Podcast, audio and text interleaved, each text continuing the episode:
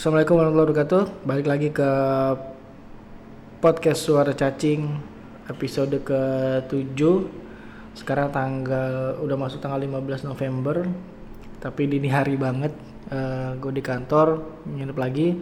Seperti biasa kalau gue mau podcast karena gue mencari uh, ketenangan tengah malam atau dini hari. Itu buat yang sendiri. Uh, hari ini hari Rabu seperti biasa uh, kalau lagi bisa gue coba ikutan sekitar pulang kerja. Kebetulan emang udah lama. Ya hitungannya lumayan lah. Nggak gambar-gambar lagi. Terakhir ya kalau terakhir itu Oktober kemarin di akhir tanggal 31 Oktober. Kayaknya kalau seinget gue gue baru gambar lagi tadi. Jadi sekitar hampir setengah bulan lah setengah bulan eh, nggak uh, nyoret-nyoret gitu kan. Tadi uh, datang ke SPK wah lumayan inilah melampiaskan lah sedikit uh, tentang coret-coretan. Kemarin nyoret-nyoret sih cuman buat kerjaan ya jadi beda aja lah gitu. Nyoret sama kerjaan buat kerjaan sama nyoret buat sendiri. Uh, sebelumnya gue minta maaf ya sebenarnya mungkin kalau ada yang peduli nggak kayaknya sih nggak ada yang peduli banget ya. Kalaupun ada yang dengar gitu uh, pertama soal kenapa baru uh, hapus lagi sekitar sebulan lebih eh, nggak uh, update padahal pengen gitu. Uh, kemarin ada semacam problem lah. Uh, teknis gitu terkait uh, tem platform tempat gue ngupload. Jadi kayak gue harus hapus dulu uh, terus gue harus ulang upload ulang. Dan itu baru kejadian dan kesampaian kemarin. Akhirnya sekarang baru ya gue coba perapiin dan konsistenin lagi. Yang kedua soal episode terakhir kayaknya uh, apa ya itu tuh uh, episode uh, bukan egois sih maksudnya kayak ya udah gue pengen uh, ngobrol sama temen gue dan coba gue rekam gitu. Kebetulan gue punya grup WhatsApp uh, judulnya itu namanya itu Sekte Mujaola dan itu uh, apa ya sebenarnya gue uh, berharapnya sih semoga ada yang bisa didapat ya dari episode itu. Uh, walaupun uh, gue akuin itu sangat lokal gitu banyak banyak bahasan yang sangat lokal entah itu lokal di komunitas gue doang atau cuman di kampus gue doang dan uh, dan sebagainya. Tapi gue berharap sih uh, ada tetap ada sesuatu yang bisa diambil kayak insight yang coba yang pengen gue sampaikan tentang bagaimana uh, kita punya satu lingkaran pertemanan yang uh, bisa jujur bisa kita bisa menjadi diri kita meskipun itu hanya dalam sebuah grup uh, apa namanya dunia maya gitu. Yang ra gue rasa itu mungkin penting gitu uh, bagi seseorang. Nggak tahu sih bagi bagi gue sih itu penting gitu. Ya gue coba ngambil konsep-konsep ya semacam uh, dramaturgi gitu kan yang dia bilang ya lu punya front stage uh, di mana lu menjadi apa yang uh, orang lu pengen orang lain lihat dari lu tapi lu punya backstage yang di mana itu bener-bener lu tanpa topeng kayak gitu. Dan uh, bersama teman-teman itu kadang-kadang ya gue menjadi backstage gue gitu. Jadi kayak ya gue bisa lepas aja. Meskipun uh, lepasnya gue tuh ya mungkin ya udah uh, tidak memaintain atau mempertimbangkan banyak hal uh, ribet lah gitu. Ya udah santai aja lah teman sendiri kayak gitu. Yang mungkin itu nggak gue dapatkan uh, di uh, kelompok atau lingkaran lain gitu. Eh gue coba pengen nyampein itu sebenarnya. Tapi ya uh, mungkin udah panjang mana-mana karena namanya ngobrol ya. Apalagi orangnya banyak jadilah begitu gitu. Jadi mohon maaf bagi yang merasa uh, apa namanya uh, uh, apa ya cukup sia-sia ya. Gua gua akuin emang ya itulah uh, kekurangan gua gitu. Itu. Oke. Okay. Uh, sebenarnya gua apa ya? Gue jadi ingat gitu. Gue dulu pernah bikin semacam podcast ya waktu itu gue nggak tahu namanya podcast. Jadi waktu gue baru masuk kuliah itu akhir 2012 uh, waktu itu uh, gue gue mikir gitu wah gue pengen nih bikin uh, konten gitu kan uh, entah itu suara entah itu video yang bisa gue share ke orang-orang gitu kan. Dan triggernya sebenarnya waktu gue ngelihat uh, WordPress WordPressnya teman gue gitu. Dia waktu itu lagi belajar up komedi dan dia ngupload rekaman suara dia tentang materi dia dan anjir seru nih gitu uh, mungkin asik kali ya bikin semacam dua diari suara gitu. Waktu gue mikir gitu tapi waktu itu HP gue belum nyampe gitu. Jadi HP gue belum uh, waktu itu ya waktu awal kuliah itu belum bisa rekaman suara gitu. Jadi nah akhir uh, sorry nggak lama setelah itu HP gue hilang gitu. Dan uh, akhirnya ada teman gue yang baik gitu kan dia beliin gue HP dan itu akhirnya dari HP yang baru dibeli itu uh, gue bikin konten video. Video pertama gue ada di itu tapi nggak usah lu cari. Nggak akan gue kasih tau keyword juga karena sangat memalukan ya.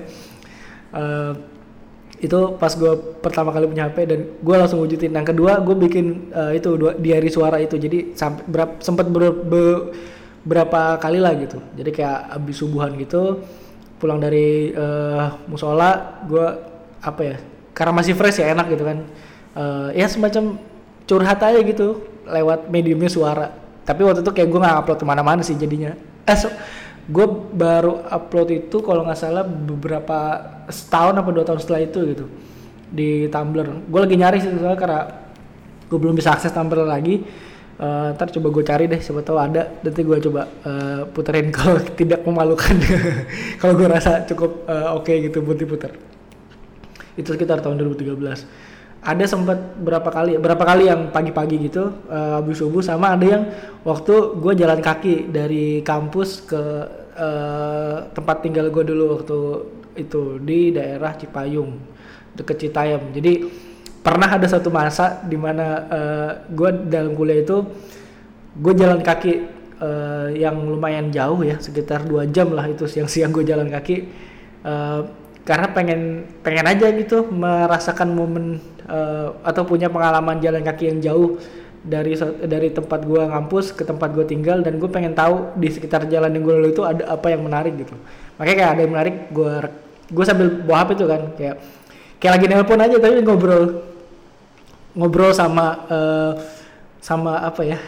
Ya sama diri gue sendiri cuman direkam gitu jadi dulu tuh gue menamakan uh, diary gue itu cathar gitu. Itu yang namain sebenarnya yang ngasih nama itu uh, guru bahasa Indonesia gue dulu waktu sekolah namanya Pak Suhana. Jadi dia dia uh, selalu tuh hampir selalu tiap pertemuan tuh menyarankan ayolah kalian tuh punya uh, jurnal atau diary yang catatan harian. Dia bilang cathar gitu yang uh, merekam gitu merekam hari-hari uh, kalian perasaan yang kalian rasakan. Jadi kayak saat nanti uh, di masa depan lu lihat lagi lu akan belajar sesuatu gitu. Dan itu nancep banget. Dan itu gue dari kelas 1 uh, satu SMA satu aliyah lah gue bilang ya, ya gue dulu ya madrasah aliyah.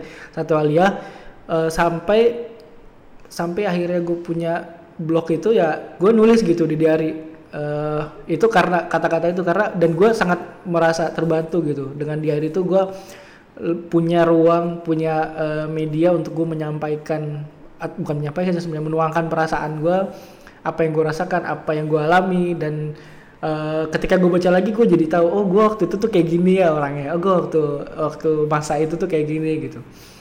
Itu dan uh, panggilan jadi kayak gue nulis tuh bukan kayak uh, dear diary hari ini aku gini gini nah gue tuh kayak ngobrol gitu. Gue nulis tuh kayak gue jadi gue karena karena namanya chat har gue manggilnya har gitu. Kalau nggak manggil chat kocak sih kayak cat gitu nggak. Jadi gue manggil har. Jadi kayak gue ngobrol sama si har pernah tuh gue juga ngobrol sama dia, ngobrol sama dia dalam tanda kutip di Twitter gitu kan kayak gue ngomong sendiri ke diary gue gitu. Dan ya saat gue bawa ke medium yang bentuknya uh, audio akhirnya gue juga gitu kayak halo Har uh, hari ini uh, tanggal segini gini gini ya hari ini kayak gini gini. Jadi kayak aneh tapi aneh tapi ya udah itu gue lakukan itu gue sambil jalan kaki nemu sesuatu yang menarik di jalan uh, gue cerita ke Har gitu. Dan gak tau gue semoga aja sih masih ada rekamannya gue juga pengen denger udah lama gitu. Ya itu sekitar lima lima tahun hampir enam tahun malah ya kalau dulu gitu. Udah mau ganti tahun juga sekarang gitu. Uh, apa ya? Gue mau cerita sebenarnya pengalaman uh, minggu lalu. Eh minggu lalu apa dua minggu lalu ya? Pokoknya uh, sebuah pengalaman yang lumayan berkesan lah buat gue pengalaman uh, psikologis kali ya ya.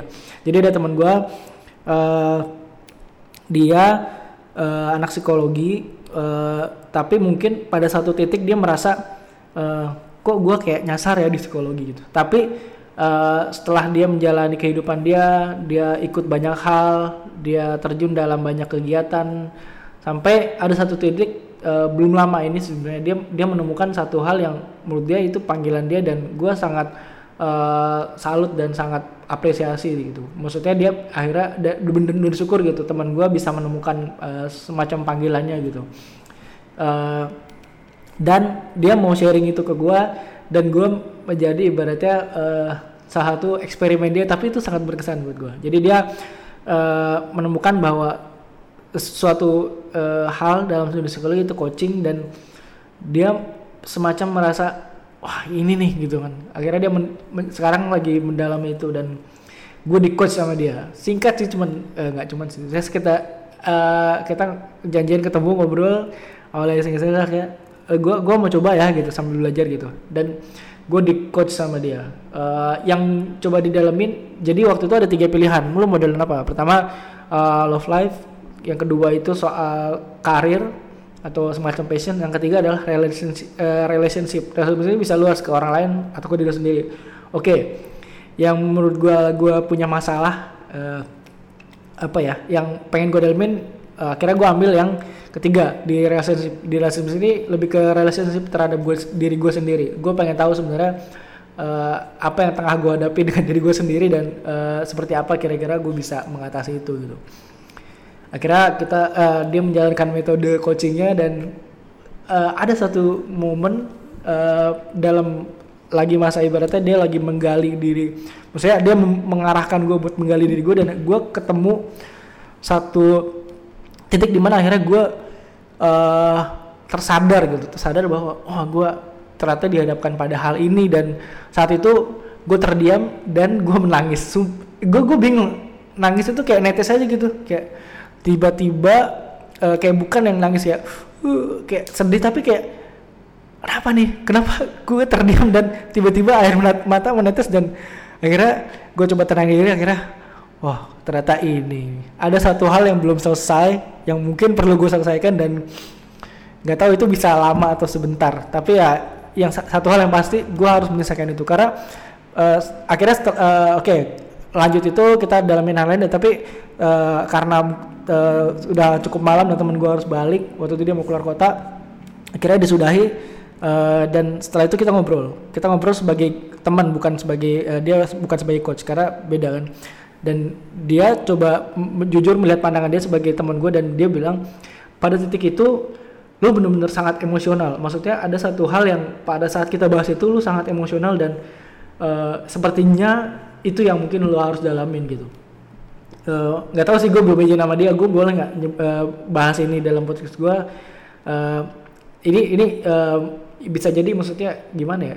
Bagi gue sangat personal sih. Tapi saat kita uh, berbelok ke bahasan yang lain walaupun masih nyambung gue nggak se nggak se emosional itu gitu. Uh, pembahasannya udah biasa aja gitu. Tapi pas nyentuh hal yang tadi itu gue bisa sangat apa ya kayak ada ada diri diri gue yang uh, semacam menarik ulur gitu menarik ulur menarik ulur kayak ada ada kayak ada semacam apa ya gue bisa bilang pertarungan gitu pertarungan dalam diri gue akhirnya eh, nggak uh, tahu dimenangkan oleh siapa dan gue sebagai ibaratnya wadahnya tuh akhirnya yaudah gue terdiam dan oke okay, gue belum menemukan emang. Dan akhirnya di titik itu gue bukan menyerah sih kayak uh, menghold dan akhirnya yang bisa gue kan saat itu ternyata gue menangis gitu dan wah kenapa ini? Kayak gitu. Itu sebuah pengalaman psikologis yang luar biasa sih bagi gue uh, gue gue uh, walaupun itu singkat dan uh, mungkin nggak bisa dibilang clear tapi gue belajar sesuatu dari situ gitu.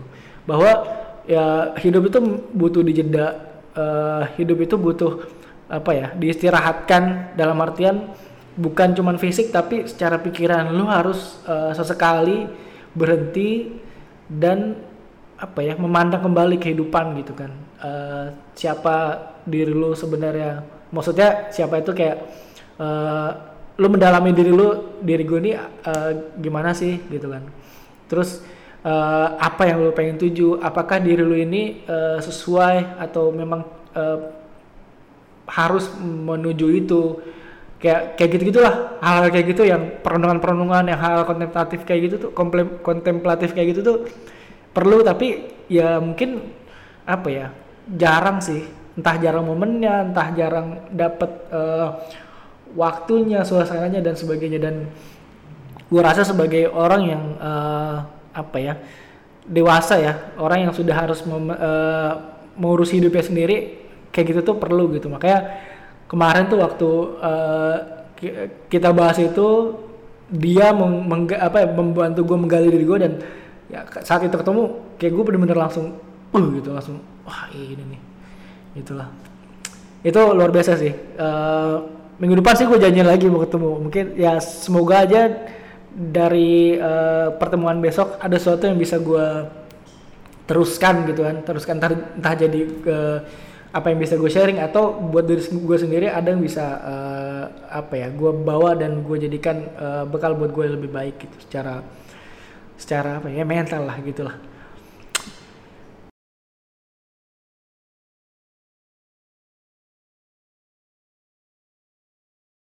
bicara soal itu sebenarnya bicara soal prinsip hidup dan sebagainya macamnya gue lagi baca buku uh, yang cukup menarik.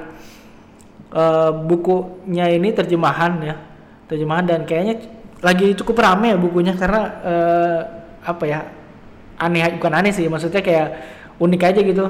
Uh, dia judul kalau di kalau versi Indonesia seni untuk bersik sebuah seni untuk bersikap bodoh amat. Tapi kalau versi aslinya itu The Subtle Art of Not Giving a Fuck. Nah, itu uh, bukunya apa ya gue bisa gue bilang kita kayak baca baca sesuatu yang gimana ya di, di terutama part-part awal sih part-part awal. Gue masih part di tengah tapi gue agak agak stuck agak berhenti karena ya tidak se bukan bukan tidak semenarik sih maksudnya tidak uh, gue nggak saya saya itu bacanya dari tengah ke akhir dibanding dari uh, awal ke tengah. Yang awal ke tengah itu menurut gue uh, apa ya gokil sih. Maksudnya dia dia bisa punya akhirnya dapat kesimpulan kayak gitu karena dia mengalami satu hal yang eh, pengalaman-pengalaman uh, yang luar biasa sih. Gue rasa ya gue pengalaman uh, eh, pribadi perasaan dan sebagainya macamnya kontemplasi dan segala macamnya dalam hidup dia uh, sehingga dia menemukan kebijaksanaan itu dan dia bisa share kayak gitu sebuah seni untuk bersikap bodoh amat itu bukan berarti uh, kalau yang gue tangkap sampai tengah ini ya bukan berarti kita bodoh amat dengan semua hal tapi kita memilih untuk mementingkan uh, beberapa hal yang memang kita rasa itu penting gitu. Karena yang bagi dia adalah problem adalah kita mungkin terlalu peduli terhadap hal-hal yang seharusnya tidak kita pedulikan. Kalau gue kasih contoh misalnya, oh apalagi sekarang nih di zaman sosial media gitu, kita mungkin uh, bisa sangat terpengaruh dengan apa komentar orang, apa yang kita pikirkan tentang apa yang uh, kita mau orang pikirkan tentang kita. Gimana ya? Ya gitulah. Hal kayak gitu gitu. Hal sekarang yang membuat kita uh, bisa insecure atau bisa merasa hal yang uh, seharusnya tidak harus kita pusingkan gitu. Tapi karena kita terpapar saat tidak sadar kita akhirnya punya respon terhadap apa yang kita lihat apa yang kita rasakan dari pengalaman orang lain yang membawa kita pada suatu uh, apa ya, cara pandang atau uh, suatu ya se sebuah buah pikir tertentu gitu terhadap diri kita sendiri. Dan itu cukup mengganggu gitu mungkin ya. Ya dan ya buku ini mengajarkan kita ya gue bisa bilang mengajarkan atau ya sekedar memberi dia memberikan cara uh, apa yang dia dapatkan gitu kan dia dia ingin sharing bahwa bagi gue hal-hal inilah yang penting dan hal, inilah yang cukup mengganggu atau sebaiknya tidak uh, lu uh, tidak tidak lu uh, perhatikan betul-betul gitu. Jadi kayak uh, beberapa hal yang gue highlight ya soal uh, bagaimana kita seharusnya punya nilai dalam uh, kehidupan kita yang kita prioritaskan sehingga dan nilai itu itu kita nggak terpengaruh dengan uh, orang lain yang atau apa pun di luar yang uh, tidak terpengaruh dari kita gitu. Ya gitu sih. Ya mungkin bisa lu baca. Gue gue cukup recommended sih. Maksudnya gue cukup merekomendasikan buku ini.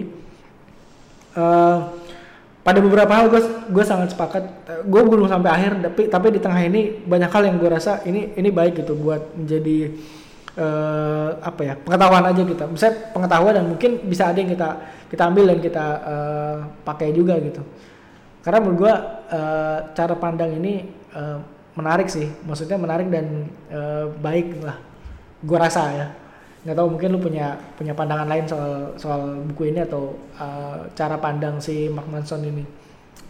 Tapi bagi gue ya bagi gue di masa-masa uh, krisis ke kepribadian orang-orang uh, umur-umur 20-an itu baca kayak gini sih ya ada baiknya sih. Uh, buat penambahin yang lu kayak lu akhirnya gak stuck dengan satu. Jadi orang yang udah mengalami itu dia sharing ya dan ya lu jadi punya sudut pandang aja. Uh, atau kayak aja lah dapat suatu sudut pandang dan mungkin lu bisa pertimbangkan kayak gitu. Gitu bukunya. Ya ntar deh kalau gue ke kelar baca uh, coba gue bikin uh, reviewnya ya review soal buku ini uh, semoga nggak lama lagi.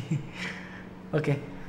nah di film uh, gue nggak nyiapin ya sebenarnya mau bahas film apa. Yang baru-baru kayak uh, lo bisa lihat di YouTube banyak lah yang yang review film-film baru. Tapi uh, kalau ditanya ada satu film yang cukup berkesan ya menurut gue walaupun mungkin banyak banyak orang filmnya biasa aja ya tapi gue punya kayak momen aja gitu sama film itu.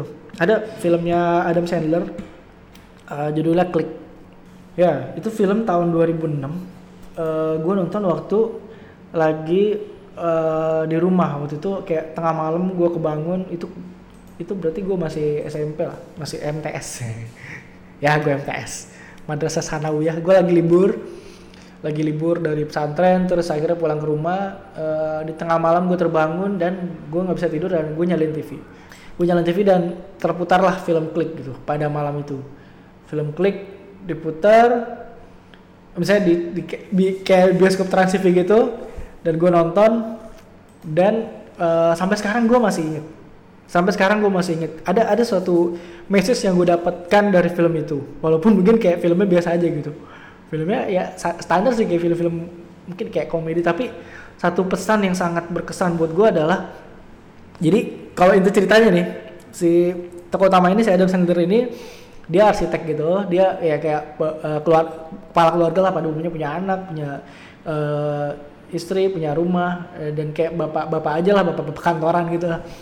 Tapi suatu hari dia ketemu uh, profesor gitu lah profesor yang ngasih dia remote. Remote ini bisa memajukan waktu tapi dia nggak bisa mundurin. Jadi kayak ya, apa namanya dia cuma bisa lihat ke masa lalu tapi dia nggak bisa benar-benar balik ke masa lalu. Tapi kalau ke masa depan dia bisa langsung skip gitu kayak lo kalau di uh, remote itu remote uh, apa ya VCD ya VCD kayak buat muter itu kayak ada forward gitu ya kayak cepetin itu nah itu bisa dia. Nah uh, awal-awalnya dia nyempetin itu buat kerjaan. Jadi kayak dia dia, dia punya kerjaan uh, terus uh, ah lama nih prosesnya gitu kan. Dia cepetin tahu-tahu dia udah naik jabatan.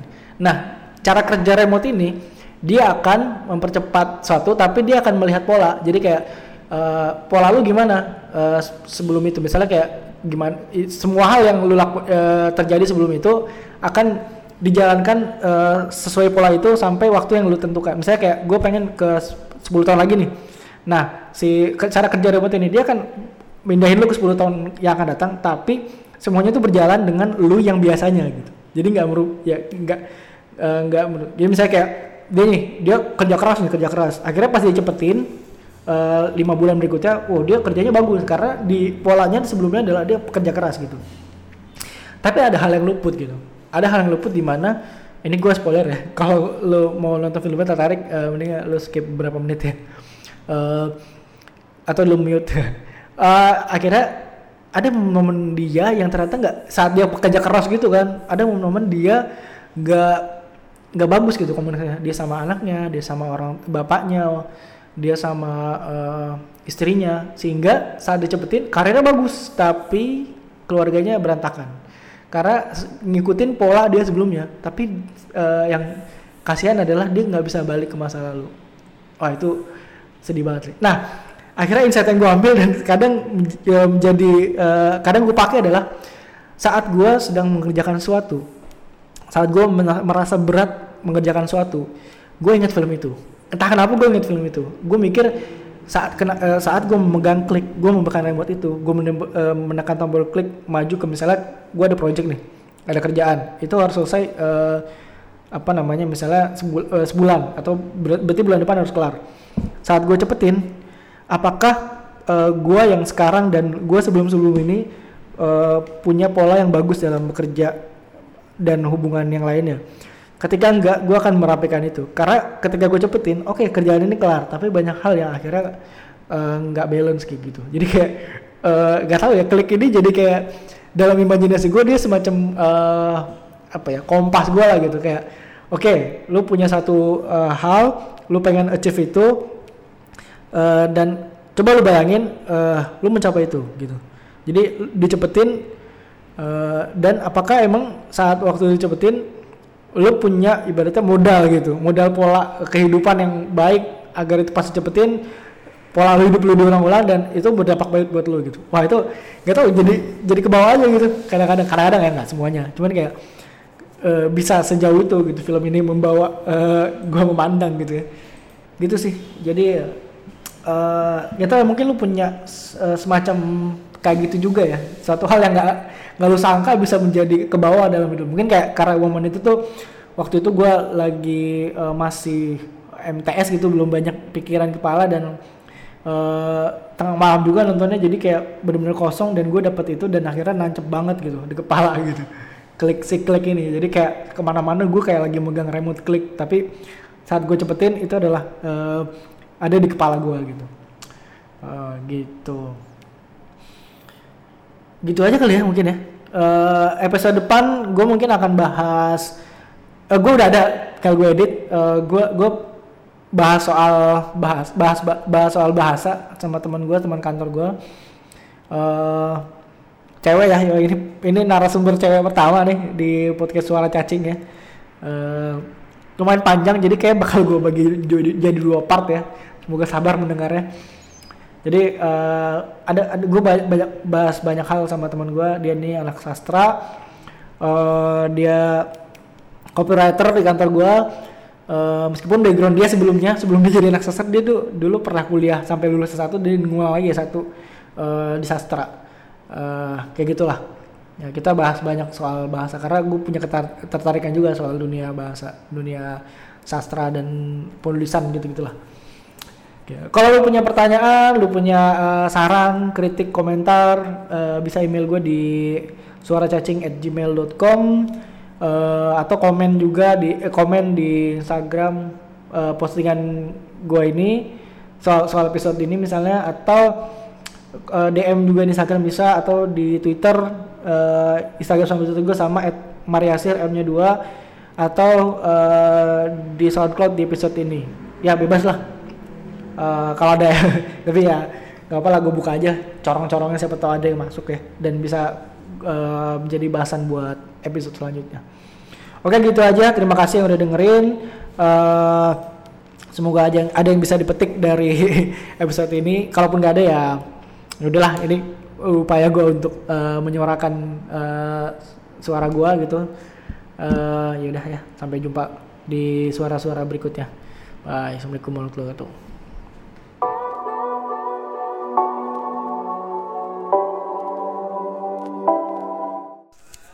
Ternyata bikin dari suara tuh nggak segampang nulisnya. Butuh beberapa kali hapus hapus hapus baru jadi. Kira gue sih gampang awalnya ternyata ya, tapi coba aja nggak ada salahnya. Padahal sih ngomong sendiri doang cuman kok rasanya apa ya ada ada malu juga tuh ya enggak juga nggak ada. Beda kalau sama nulis gue rasa tulis aja apa yang gue pengen tulis. Tapi ini dalam proses pembelajaran. Nggak apa-apa. Gue kan harus belajar ngomong.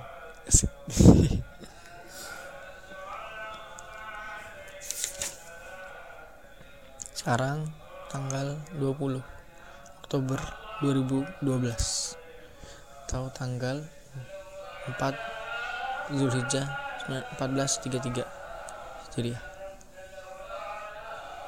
hmm.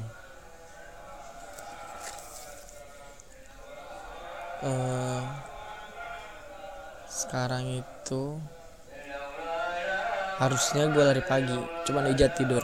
Jadinya ya udah. Duduk-duduk sini dulu ngerekam. Ini yang pertama sih hmm. ya mungkin semoga aja bisa tiap hari ngomong kayak gini. Jadi biar ada sesuatu yang bisa gue simpan dan mungkin pelajaran buat besok. Apa aja yang telah gue lakuin hari ini apa yang kemarin-kemarin nah apa yang terpengen gue lakuin. Jadi penyalur juga sih sebenarnya